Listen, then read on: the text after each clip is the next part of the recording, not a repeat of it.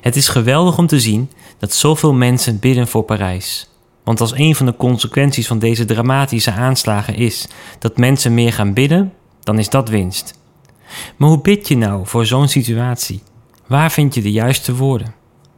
Onlangs las ik in het boek van Tim Keller over bidden de vergelijking tussen hoe normaal gesproken een kind leert spreken en hoe wij kunnen leren bidden. We zijn waarschijnlijk vergeten hoe we hebben leren praten en denken daarom misschien wel dat het een proces was wat van zichzelf startte. Maar kinderen leren praten doordat ze anderen horen praten. Het spreken ontstaat niet vanzelf. Keller citeert Eugene Peterson, die zegt: Alle taal is antwoordende taal. Het eerste praten van kinderen is dus eigenlijk antwoorden op het bad van taal waarin ze opgroeien. Ze imiteren eerst klanken, daarna woordjes, korte zinnetjes en later wat langere zinnen. In het begin is er nog weinig van henzelf bij. Het is napraten, van in de meeste gevallen papa of mama of broertje of zusje. Uiteindelijk maakt het kind zelf zinnen en is het ook in staat om eigen gedachten om te zetten in woorden.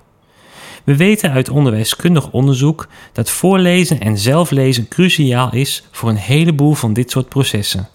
Door veel te lezen groeit ons leesbegrip, kunnen we complexere vraagstukken gaan begrijpen en bestuderen en wordt bovendien onze woordenschat vergroot.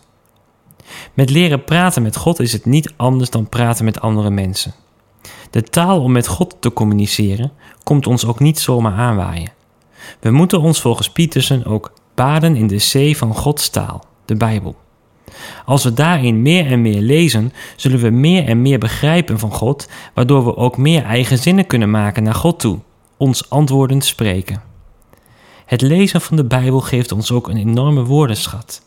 Het is ook om die reden dat ik mij de afgelopen jaren erop heb toegelegd Bijbelteksten op muziek te zetten met woorden van waarde.